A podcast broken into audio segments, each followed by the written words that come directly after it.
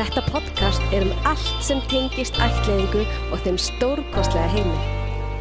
Ég heiti Selma og ég brenn fyrir öllu sem tengist ætliðingu. Ég lifi í þessum heimi sjálf og ég og maðurinn minn ætliðum són okkar frá Tjekklandi árið 2016 og síðan þá hefur lífið heldur betur breyst til hins betra og verið lærdomsrikt. Og við erum að upplifa og hrærast inn í heimi sem að ekkert svo margir er að hrærast í. Þetta er heimur sem er mikilvægt að opna fyrir og tala opinskátt og í hrinskilni um allt sem því tengist. Allt þetta góða, erfiða, hræðilega, skemmtilega og allan tilfinningar úsipannan sem þetta ferli er. Með þessu podcasti langar mig að miðla öllu því sem ég sjálf hefði vilja heyra og fræðast um þegar ég var að byrja í öllu ferlinu. Nú er ekki að einu býða og við skulum vinda okkur í þáttinn.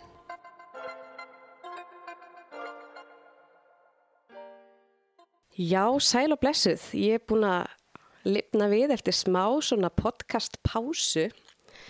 Það var svolítið mikið að gera og tók upp 19 þætti og uh, á síðast ári og ég svona tók mig bara óvart pásu, ég ætla ekki að gera það en svo bara var ég að gera annað, aðra hluti og þessi þáttur er bara um smá svona rand og einlegt spjall um það sem hefur verið að gerast og Já, já, hvað bara plana ekkert, bara prófa að sitja hérna inn í, inn í skúr þar sem ég er að taka podcastið og, og hérna og bara tala út frá hjartanu, bara það sem ég er að pæla. Sko, við náttúrulega eins og flestir sem hafa hlusta á podcastið hafa hýrt að þá erum við búin að ætla svona okkar. Ætlitum hann árið 2016, í nóvumber 2016 og hann var alveg að vera tveggjara og hann er núna nýjara litli strákurinn okkar sem verður alltaf litli strákurinn okkar þó að sé orðin rosalega stór og flottur og geggjaður einstaklingur sko, hann er alveg frábær. Já og svo er maður náttúrulega búin að upplifa alls konar svona sem ætti betur fara í skólakerfinu og bara heilbríðskerfinu og heyra sögur frá öðrum og svo les og svo kom tími í fyrra árið 2003 ég held að hafa bara verið um haustið Það voru rosalega heit umræða um vöggustofur og vöggustofur á Íslandi. Og það var sterk og heit umræða og fólk síndi þeim sem að voru á vöggustofum alveg rosalega mikla samkend og því líkur hryllingur sem átti þessi stað á vöggustofunum og bara að börn hafa þurft að alast uppi svona væri alveg gjörsamlega hræðilegt og þau ætti að fá bætur og ég veit ekki hvað og hvað sem ég er 100% sammóla þetta var alveg hræðilegt. En ég fekk svona illt í hjarta að því að börnin okkar, ætliði börnin okkar lang flest af þeim hafa verið á vöggustofum eða á barnaheimilum. Vöggustofa var bara svona fallegt eh, orð yfir barnaheimili eða munaðleysingjaheimili sem ég finnst svona sísta orðið sem notaður yfir þetta. Vist að hljóma hræðilega að segja munaðleysingjaheili eða munaðilegs ekki heimili og hæli er ennþá verra, Jésús en hérna, já, það fekk ég sko alveg rosalega stingi hérta, ég var að lesa ykkur á frásögn um mannesku sem hafi verið á vöggustofu og var að segja frá því bara hvað gekk þar á og alls konar. Og kommentin þar undir og allir á þeirrar bara alveg í mólum yfir þessu. Og þá skrifaði ég grein að og sem að fór bara alveg gjörsamlega á flug. Skrifaði grein og ég ætla að lesa hann fyrir ykkur. Þess, ég skrifaði þessa grein og eina aðra og fór ykkur viðtöl í útvarpi og svona sjómarstætti ykkurum og hérna og það var bara geggjað. Ég er náttúrulega mjög aðteglisúk aðeinsværi og ég elska að tala um þessi mál. Þetta brennur mér svo djúpt í hjartarátum og líka bara til þess að geta reynda láta rattir okkar heyrast betur og fyrir börnin okkar. Og mér finnst þetta alls ekki vera feimnismál, þetta eru bara staðrindir um þeirra forgrunn í lífinu. Og af hverju ekki deila því til þess að fá skilning. Þetta allar virtist af að gripi fólk og ég fekk bara ringingu stuttu eftir að þessa greinar voru byrtar og eftir að hafa farið viðtöl og þá var það Brynja Dan sem ringdi mig og sagði bara að þetta hefði verið frábæra greinar og, og hún var strax farin í ferli með þetta mál og ætlaði að tala við barnamálar á þeirra og alla þessa gæja hérna sem að ráði ykkur í þessu landi. Og ég bara náttúrulega mjög haf mikið sem að heyra það og ok, og svo bara stutt eftir það, þá fekk ég afturhingingu frá henni og hún segir að þetta sé bara samþygt það er búið samþykja það að verða af óskum okkar allt þetta sem við vorum að byggja um í þessum greinum. Og það myndi strax færi ferli á nýju ári sem að hefur nú heldur betur gerst. Og Elisabeth hjá Íslenska ætlingu, hún var að skrifa undir með bandamálar á þeirra bara um daginn. Og þau fengur styrk og líka þannig að Íslenska ætling í samstarfi við meðlans Rut sem er svona bara guðskjöf í ætlingarheiminum sem er sérfræðingur í áföllu batna og fjölskyldufræðingur og svona. Og þær, þær í rauninni hanna þetta held ég. Nú er ekki alveg viss, en mér minnir að sé svo leiðis að er hanna umgjörina og þá meðal annars er ég að tala um eða voru við að tala um að eftirfylgni fyrir fóreldra að bæta það, þannig er engin eftirfylgni fyrir fóreldra sem ætlaði börn. Það er engin skimun um fæðingaþunglindi eða eitthvað. Og ekkert er að spá í okkur eða barninu þannig sé nema hvort það sé líkamlega eitthvað að því en ekkert andlega. Og hvað það fóreldrarnir og það er miklu algengar að fá ætlinga þunglindi eða ætlingar kvíða og alls konar svona gúmilaði sem er hundlegilegt en hérna er svona þurfa fóreldra að fá stuðning og þarf að grýpa fóreldrarna og fjölskyldunar og það er búið að laga, eða þú veist búið að laga það, búið að segjast ætla að hérna tryggja það að fóreldra sem koma núna með ætlitu börni sín, þau fá þessa skimun alveg svo sem með unga barn.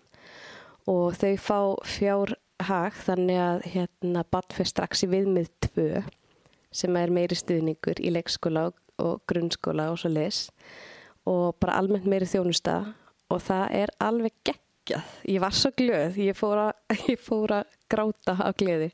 Ég var á stjórntorki, ég vil kalla þetta stjórntork, þetta heitir eitthvað annað, kúmen í kringlunni og var að panta mér eitthvað að borða og það var háti og ég var svo glöð, ég bara táraðist. Þetta var góð saga. En já, ég ætla að lesa þessa greinar. Sko, máli er að, ok, ég veður einu annað. Það er svo mikið að gerast í sem heimi núna. Þetta er að besta og jákvæðast að segja veit. Að það var hlustað og það var bröðust við og ég bara gæti ekki beðið meira sko. Þetta er bara dásamlegt þó að sé eflust alls konar sem er hægt að bæta við og, og laga og betrum bæta. En þetta var stórt skref. Uh, svo er það svona að vera á bygglista. Uh, nú er ég og maðurum minn á bygglista eftir batni nummið tvö í Tjekklandi og við fengum samþygt úti í fyrra, var, það er alveg að koma ár síðan, það stýttist í það, sé ár síðan að við erum búin að vera bygglista í Tjekklandi og ásamt fleirum umsækjandum og ég heldur séum um 12 umsækjandur frá Íslandi sem hafa verið samþyktir út í Tjekklandi og eru þannig séð tæknilega séð óletir inn að gesalappa og eru bara býð eftir hinnu mögnuðu ringingu og og svona maður er náttúrulega spenntur og alls konar og byrja að ímynda sér lífið með tvö börn allt í innu og mér langar svo alveg, eða okkur sérstaklega mér, ég er náttúrulega ekki bara að tala út frá mér, en ég veit að Steina langar líka mjög mikið. Annars væri við ekki að reyna ætlega barnum með tvö. En ég bara, mér langar svo mikið að fara út og ætlega annar barnum með tvö og gera þetta allt saman aftur og upplifa allt þetta ferli aftur með alla þessa visku sem ég veit núna og bara það sem ég hef lært af því að hafa ætlegt fyrra barni mitt sko. Og ég þrái það svo ógeðslega heitt. Ég bara svona, já, mér langar ógeðslega mikið að gera það. Og maður er samt mjög svona ekkert sjálf bjart sín að það rætist með að við fréttir svona í ætlingasamfélaginu í heiminum. Og eftir að COVID kom þessi fjandi þá fór allt einhvern veginn meira í fokk í hérna Tjekklandi og það er að koma stjartfræðilega lítið að börnum til landsins. Það var eitt barn í fyrra sem kom til Íslands frá Tjekklandi, uh, annars var, ég man ekki, eitt eða tvö ár síðan hitt, annar barn hefur komið sko, þannig að það er búið að vera mjög slow motion vinnuferli og lítið að börnum og, og börnin er eldast og alltaf vera flóknar og erfiðara og ég skil ekki neitt samt. Ég er bara svona, já, en þráin er til staðar og þráin er svo mikil, alveg rosalega mikil. Ég er bara svona, já, það er svona erfitt að vera í þessari stöðu. Fyrsta lagi þú, maður getur ekki eignast bann lífræðilega Uh, ég er ekki að fara í eitthvað, við erum ekki að fara í eitthvað glasa eða eitthvað svona kæftæði aftur, bara ekki séans og ætliða barn var alltaf bara draumurinn og það hefnaði sem betur fer hjá okkur. Og við eigum eitt strák. Og svo er það bara að ætla að gera þetta aftur. Og þá er ekkit endilega vist að það geti gerst. Og það finnst mér alveg skelvilegt, ég er bara svona maður reyna að stilla væntingum sínum í hóf samt að vera bjart sín, samt að reyna að hlýfa sér að vera ekki ofjákvæður eða ofbjart sín eða gera ráð fyrir að þetta gerist að því að ef það gerir svo ekki. Að ég veit ekki, þetta er bara svona alls konar tilfinninga rússibanni, þetta er sko náttúrulega alltaf rússibanni, bæði í umsónaferlinu, það er líka rússibanni. Og ég sagði frá í þáttunum hana þegar ég var að segja okkar sögu þá er þetta náttúrulega voða flóki og mikið vesen að sækjum hérna, um svona ferli sjálft. Og svo í svona þegar maður þetta aftur nummið tvö og það spurja mig allir bara og var þetta ekki miklu einfaldara? Nei, uh, jú, þetta var aðeins einfaldara, maður var afslappaðri nummið eitt. Að því maður á ball fyrir þá hefur maður nóg annað að gera. Uh, og eina sem að við svona sem var einfaldara það var að við sleftum við uh, persónleika prófið við erum vist með sama persónleika og þegar við ætlitum fyrsta batni okkar. Og við þurftum bara að í svona endurmat hjá sálfrængi ekki svona alveg krifi allt en við þurftum að í svona langan tíma og gera nýja skýsli og eitthvað. Og annars var allt hitt að sama þú veist batnavend þurftu að koma í fjórar eða fimm heimsóknir og gera skýslur og alls konar, ég man ekki, ég man ekki eins og niður, maður gleymir svo ógeðslega rætt. Þannig að þetta var einni nákvæmlega samaferli sem að tók líka eitt og hóllt ár um svona ferlið í þetta skipti. Alveg svo tók eitt og hóllt ár í fyrsta skipti. Og svo var þetta sendt út og það tók einhvern tíma og eitthvað marga mánu að samþykja. Og svo var það samþygt og þá erum við búin að vera formlega á bygglista síðan eitthvað tíman í fyrra uh, í vor, fyrra vor eða mars eða eitthvað, minni mig, ég man ekki neitt en ég held að það hafi verið mars. Eða hver er mikið sama. Allavega við erum búin að byggja nokkra mánu og það er bara já. Það eru svona alls konar tilfinningar sem fylgja þessu uh, byð, hérna, byðferlinu og ég þakka bara öllum almættinum fyrir það að eiga barn og hafa fengið að ætla barn áður. Að því að það er miklu auðveldara að vera í byðstöðu þegar maður er ábarn fyrir. Ef ég hefði verið í þessar stöðu fyrir já, áður en eignaðis barni mitt þá væri ég örgla búin að missa vitið og vera alveg snar sem ég er, hvort sem ég er alltaf, neitjúk. En hérna Já, þetta er, er rússipanni. Það tek, já, svona mér finnst, sko ég vera uh, meiri náttúrulega tilfinningasprengja heldur en steini maðurinn minn, sko. Hann er með ótrúlegt jafnageð og, og svona jarðbundin í þessum málum. Og hérna hann svona stilla væntingu sínum hóf og bara þakkláttu fyrir það sem við höfum og allt þetta meðan ég er meira uppi bara eitthvað bara ég þarf að batni núna. En ég get bara það sem er erfiðast í sem maður getur ekki stjórnað neinu og það er engin sambönd það er ekkert svona íslenskt þema í þessu að þekkja mann og annan og geta haft einhver áhrif eða eitthvað það er ekki séns þannig að eina sem maður getur gert er að vona að maður veri paraður við drauma batni sitt og það muni ganga upp. Já, það er nú ekki mikið sem ég er að byggja um sko, neðtjók. Og svo er náttúrulega margir á bygglista og ég veit ekki hver margir í heildina í Tjekklandi en ég veit að það eru tólf umsækjendur frá Íslandi sem eru að byggja í Tjekklandi. Þannig að við erum allavega tólf desperate for baby og það er bara svolítið svo leis. En ég hugsa allavega þannig að þegar bann kemur til landsins þá er þetta parað, þá er þetta þeirra bann, maður fyrir ekki í eitthvað svona afbríðisem eða neitt svo leis. En ég held samt að það sé líka alveg eðlegt að einhverjir fari í smá afbríðisemi sko, eða svona af hverju ekki ég, af hverju þau. En ég held að það sé bara, það allt saman er eðlegt. Maður það bara segja þetta allt saman, bara út með þetta. En það sem ég var að reyna að segja hérna á þann, ég ætla að lesa þessar greinar og þetta er mjög dramatíst þannig að ég var ykkur við. E, fyrsta greinin sem að ég skrifaði og setti á veraldavifin, hún heitir Vöggustofa, en þá raunveruleiki fyrir ætlitu börnin okkar. Ég hlusta og les skelvilegar frásagnir frá Vöggustofu. Sem betur fyrr er þetta ekki lengur raunin hér á Íslandi en á sama tíma er börn að koma hinga til landsins sem hafa upplifa svipað. Ætlet börn, þar á meðal ætleta barni mitt sem bjó á stopnun ekki langt frá því að vera eins og vöggustofan. Á barnaheimilinu bjó hann fyrstu tvö ár æfi sinnar. Þetta var svolítið huggulegt umhverfi, aðeins huggulegur en vöggustofan Þar voru alls konar leikföng og litir á vekkjanum, börnin fóru út að leika, en stopnana fílingurinn er sá sami, en kannski aðeins mannulegri.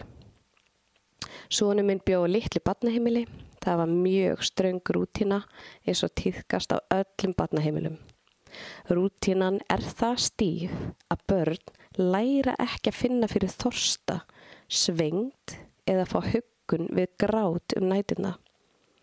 Ég hugsa oft, hver huggaði barni mitt fyrstu tvö árin ef hann skildi hafa verið að gráta eða taka tennur, ef hann verið veikur eða leið illa, ef hann var hrættur. Mögulega var það engin. Og þegar við vorum að byrja aðlega skort öðru fyrstu dagana eftir saminninguna, þá tóku við vel eftir því að það var eflaust raunin. Hún var bara ekki sinn. Börnin eru lögð í rimlarum á kvöldin um átján leitið. Ég ætla ekki að, já, börnin eru lögð í rimlarum á kvöldin um svona 6-7 leitið og þau eru ekki tekin upp fyrir en átta um morgunin.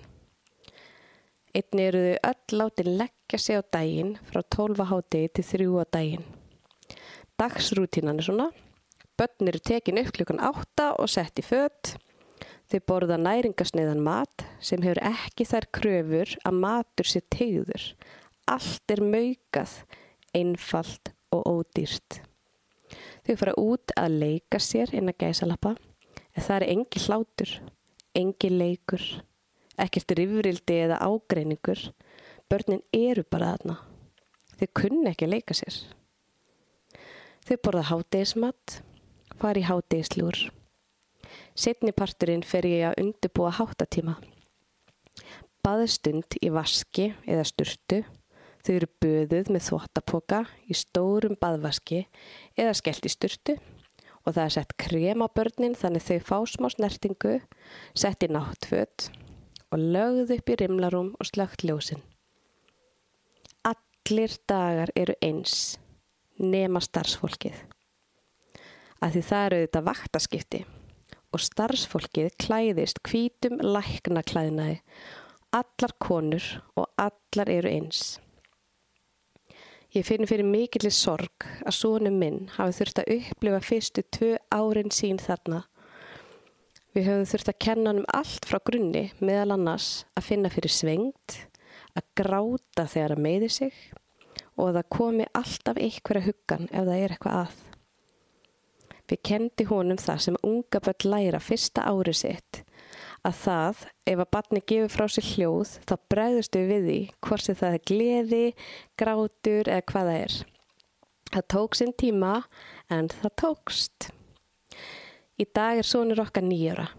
Það eru sjö ár síðan hann bjóða barnaheimili en afleðingarnar dílum við við sem fjölskylda á hverjum einasta degi og þær eru svakalegar. En munum við reyna okkar allra besta það sem eftir er að hjálpa honum að lifa með þessum afleðingum og takast á við þær sem honum vegnir sem best í lífinu. Það sorglega er að skilningunni í samfélaginu í garð þeirra sem hafa upplegað svona áfalli æsku er rosalega lítill.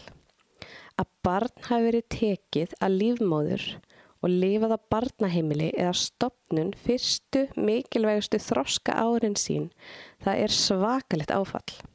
Og heilin á þessum börnum er bara allt öðruvísi výraður en hjá þeim sem alast upp í ást og kærleik, nánd og öryggi.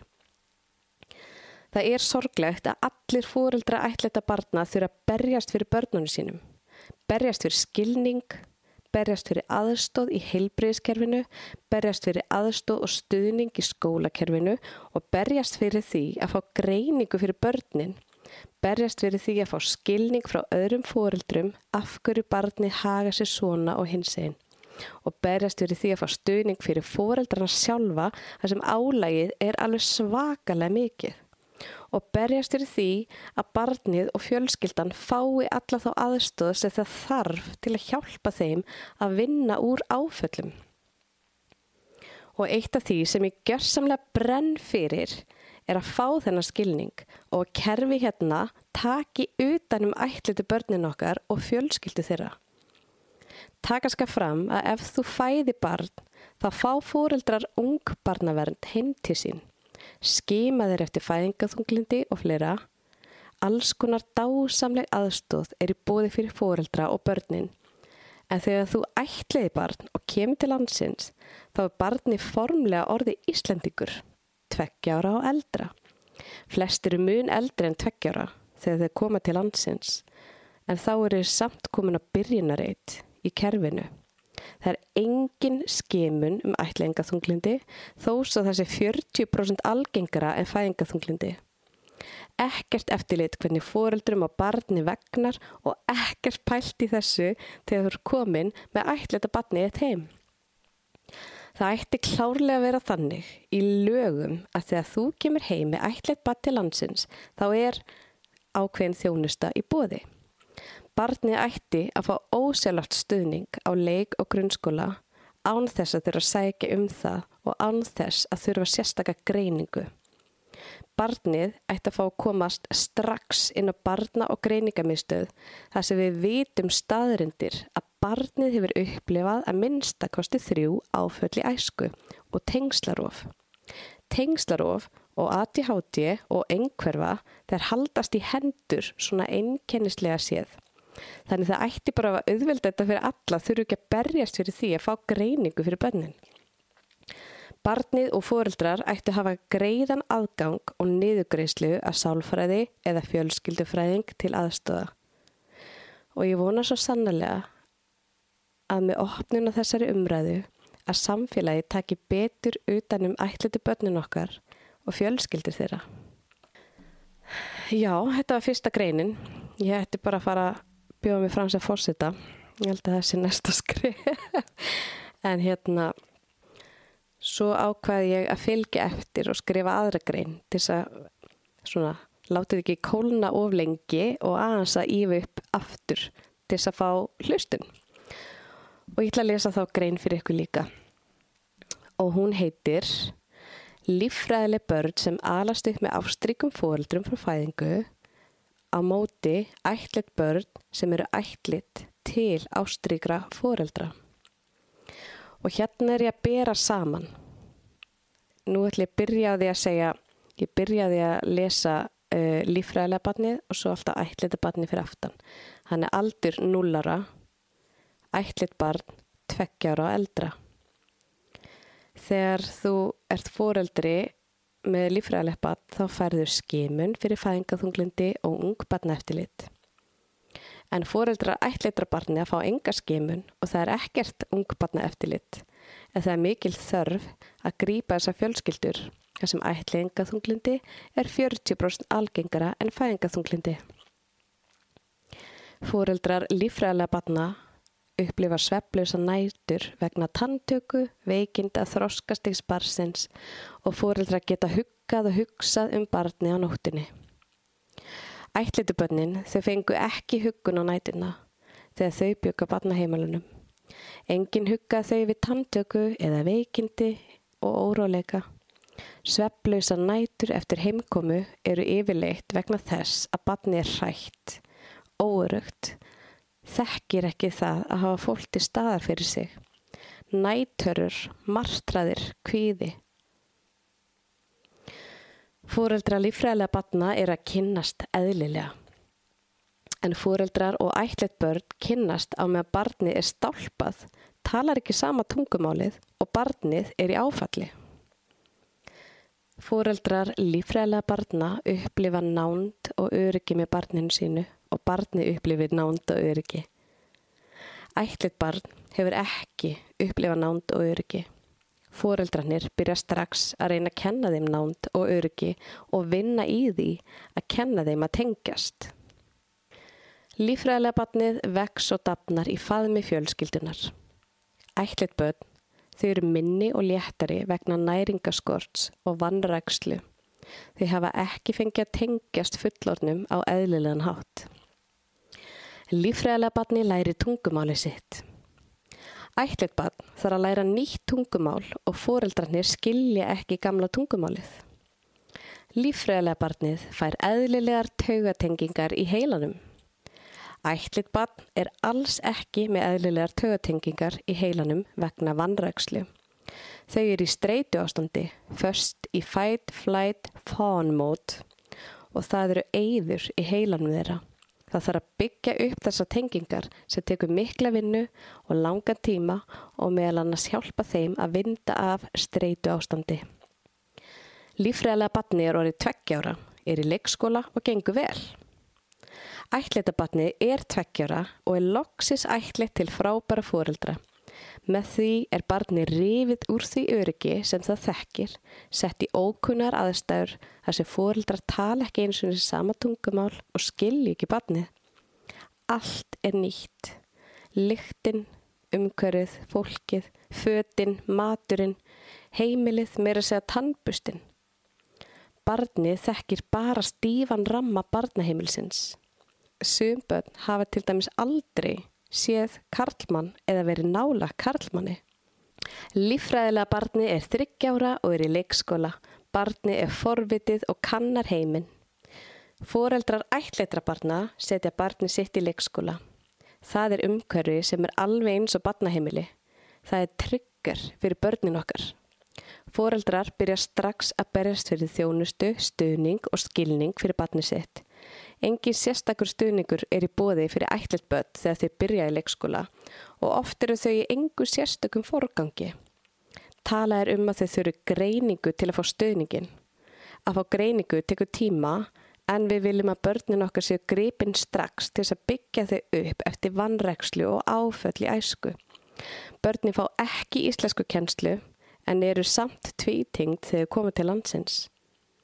Ætlitubötnin eru ekki forvitin að kanna heiminn.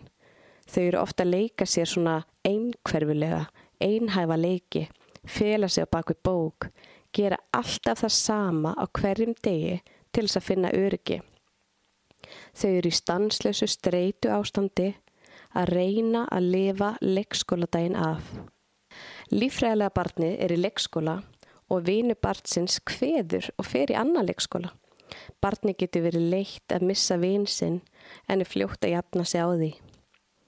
Ætleitabarnið getur upplifað mikinn óta þar sem það bjóða barnaheimili og þá kom stundum fólk í heimsón og tóku barn með sér og það kom aldrei aftur barnaheimilið.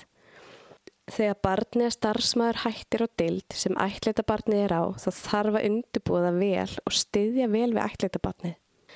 Lífræðilega barnið komið í grunnskóla, spennandi tímar.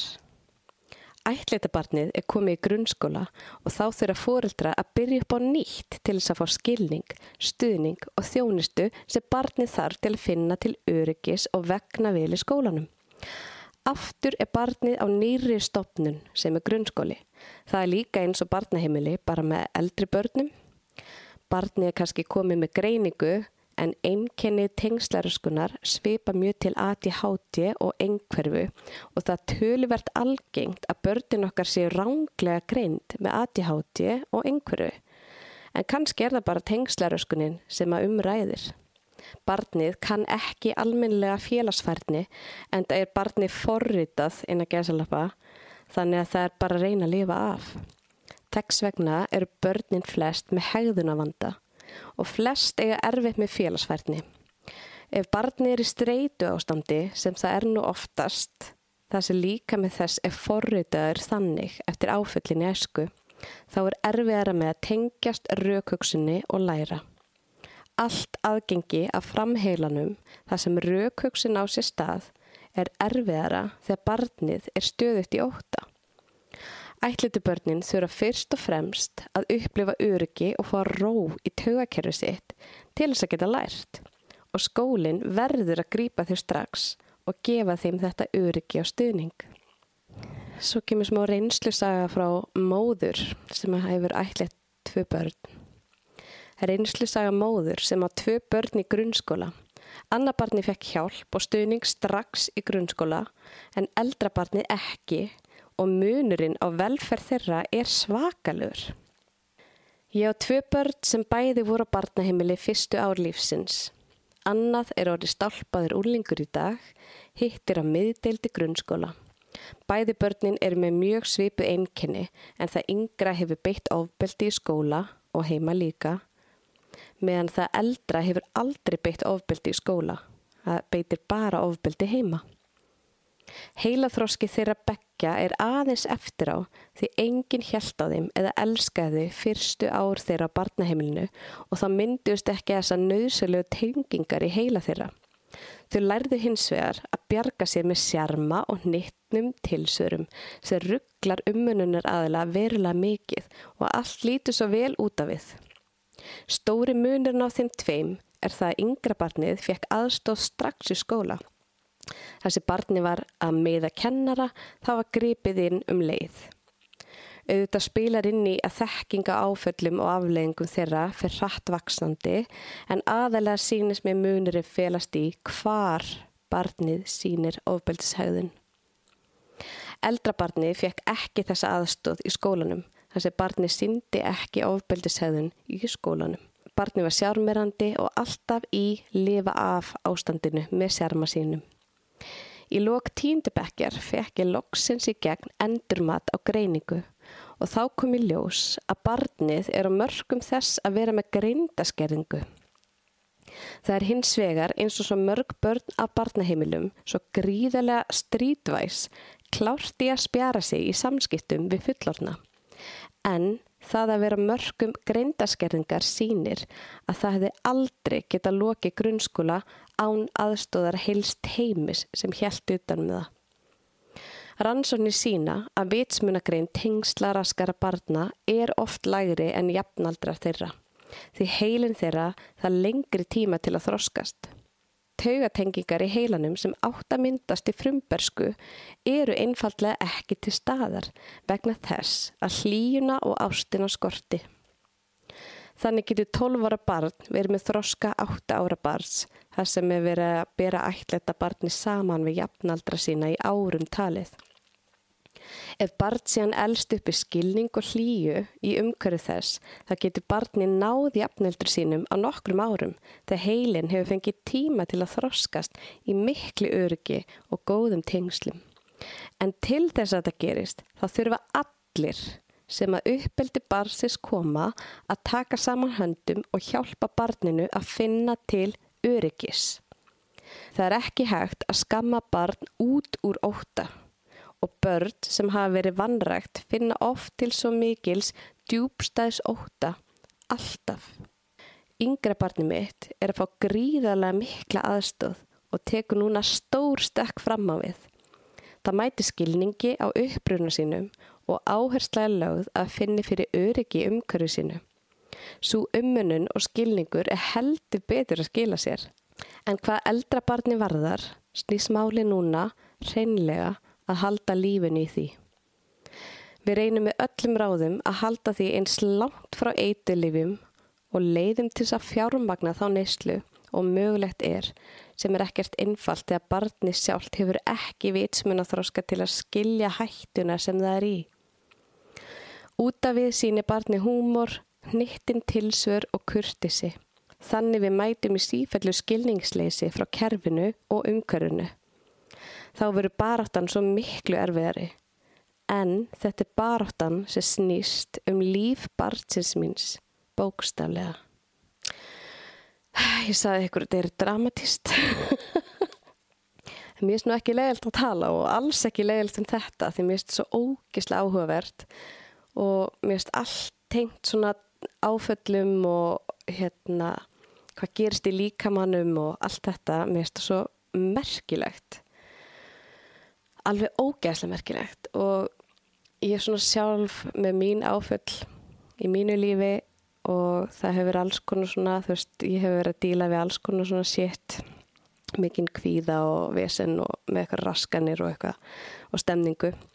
Alls konar svona neikvægt kæftæði en ég held að það hefur sér ástæð fyrir því að því að ég kann núna svo margt ég er búin að læra svo margt þó að það sé alltaf jafn erfitt að komast út úr eitthvað svona kvíðarugli og, og þannig en þá kann ég svo marga leiðir og ég er alltaf að kenna síni mínum af því að hann er náttúrulega með alls konar svona og ég held að flestir séu að díla við eitthvað svona kvíða og, og hræðslu og óta og allt þetta á höfnun og ég veit ekki hvað og hvað alls konar gummilagi og mottói mitt er alltaf það að það á að vera gaman að vinna í sér. Af því að það, maður verður alltaf betri og betri. Þetta er bara svona ég er svona, hef er svona keppnismanniska og svona noti þetta smá svona sem já, keppnistól. Bara djöðlega vinni mér í dag maður. Sétt hvað þetta verður gegja og alveg að tækla þetta og læra á alla líkamann og læra þetta allt saman. Og vita hvað er að gerast í líkamannum og heilanum allt þetta, ég er alveg bara alveg inn í þessu sko. Og mér finnst þetta svo merkilegt ég hérna veit ekki hvað er að tala um hendur og glákastlega leðið þetta hlusta mig þetta hérna. En ég hlakka til að taka upp fleiri þætti og, og hvetja fólk til að e, senda mér skilabóðið að vilja koma í þáttinn til mín og ef þið vitið um eitthvað svona sem að eiga eitthvað skemmtilega sögu e, er ekki svona skemmtileg ef þið vitum eitthvað sem er í ætlingar heiminum sem væri mögulega til að koma í spjall þá væri það æðislegt. Og mér langar svo að hafa þetta þannig samfélagi ég geti fengið sér flestar fjölbreytasta sögurnar.